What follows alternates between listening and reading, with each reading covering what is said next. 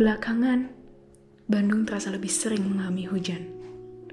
Sore ini rasanya menjadi waktu yang sangat ideal untuk mendengarkan rintik hujan, dingin yang merasuk, serta manusia yang terlihat mulai hiruk pikuk. Aku memutuskan menepi ke kedai kopi. Rasanya perlu sedikit menghangatkan tubuh dengan segelas kafe latte buatan Aryo. Seperti khalayak kedai kopi biasanya, yang menjadi tempat kumpul berbagai jenis manusia.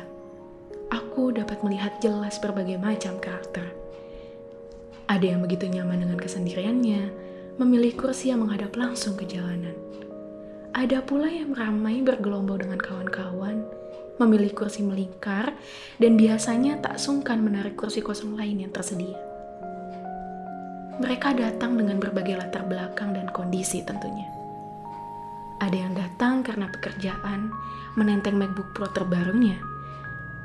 Ada yang bersantai sambil menikmati kopi dengan buku Handoko Hendroyono. Ada juga yang sekadar bertemu temannya, berfoto ria dengan handphone terbarunya yang mungkin baru saja dibeli dari gerai elektronik dekat rumahnya.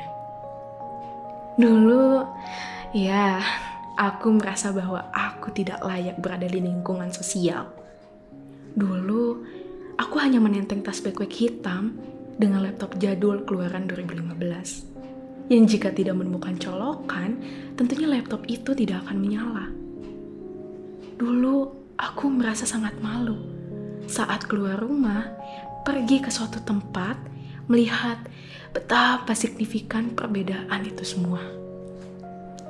Aku tumbuh dan besar di keluarga yang sangat sederhana Ayahku hanya seorang petani kopi biasa, dengan sepetak tanah tepat di belakang rumah. Harapan besar tentu bagiku untuk bisa bersekolah di kota. Aku datang sebagai anak seorang petani untuk kelak memiliki hidup yang mumpuni. Pada akhirnya diterimalah di sebuah kampus kota. Saat itu aku tinggal di sebuah petak kosan dekat pabrik getah karet perusahaan. Tiap pagi dan malam, aroma getah begitu pekat terasa. Awalnya sangat mengganggu, namun semakin lama ternyata terbiasa. Aku hanya berniat untuk fokus menempuh pendidikan di sini, tanpa harus memaksa diri untuk masuk ke dalam lingkungan sosial sejak dini.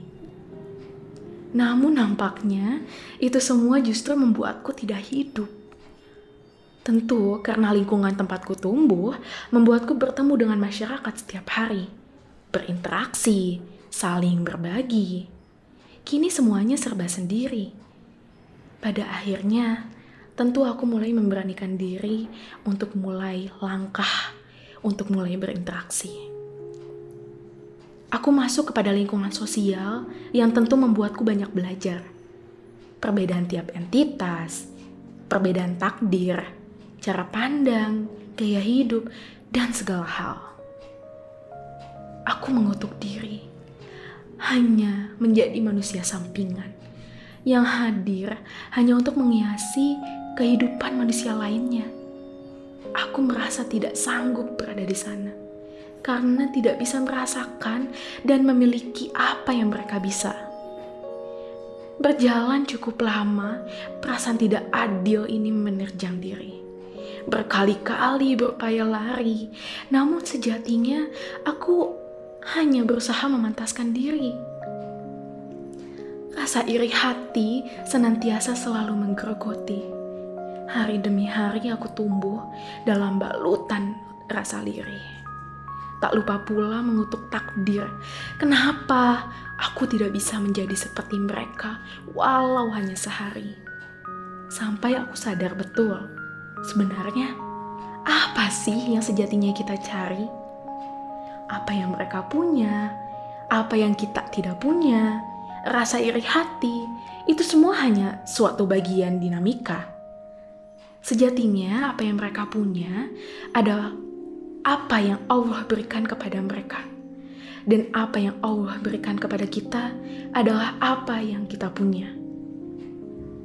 Rasa memiliki atas sesuatu tidak akan pernah luput dari keberkahan Allah, Sang Pemilik segala. Lantas begitu, kita semua itu sama, memiliki sesuatu atas izin Allah dan tidak memilikinya pun atas izin Allah.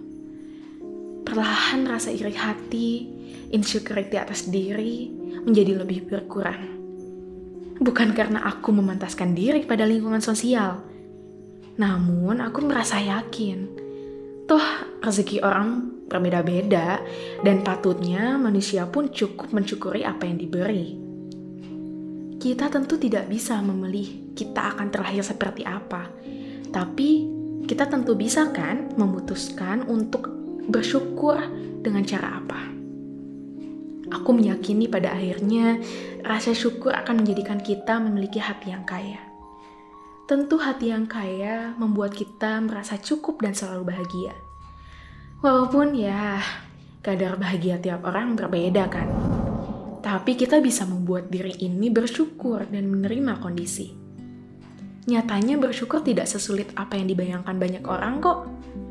Yang kita butuhkan dalam bersyukur hanyalah kita tahu apa yang kita punya sejatinya diberikan oleh siapa dan kita tahu bahwa apa yang kita miliki itu itulah yang terbaik untuk saat ini. Hujan sudah mulai reda, genangan air mulai tercipta. Manusia yang meneduh menyesap kopi panas perlahan mulai berkemas. Mereka akan pulang menyongsong rasa syukur lain yang ada di depan. Sekawanan remaja menghabiskan waktu untuk mengerjakan tugas terlihat tengah sibuk berbincang. Di antaranya tidak semua tentu sama, beragam, dengan rezeki dan rasa syukur masing-masing.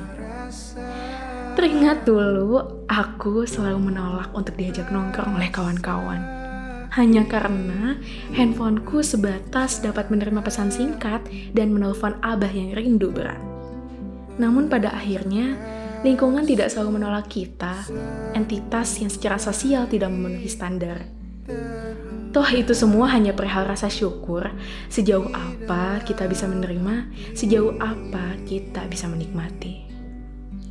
Dan kebetulan, untuk menutup semuanya, temanku sudah datang. Aku akan meeting sebentar tentang pembukaan cabang kedai kopi ini. Doakan ya kawan, sudah jalan dua bulan. Nanti aku kabari jika cabang berikutnya sudah dapat kamu kunjungi. Dari Kutias, semua akan membaik saat kau lepas, saat kau bebas. Berbicara pada diri tentang apa yang terjadi.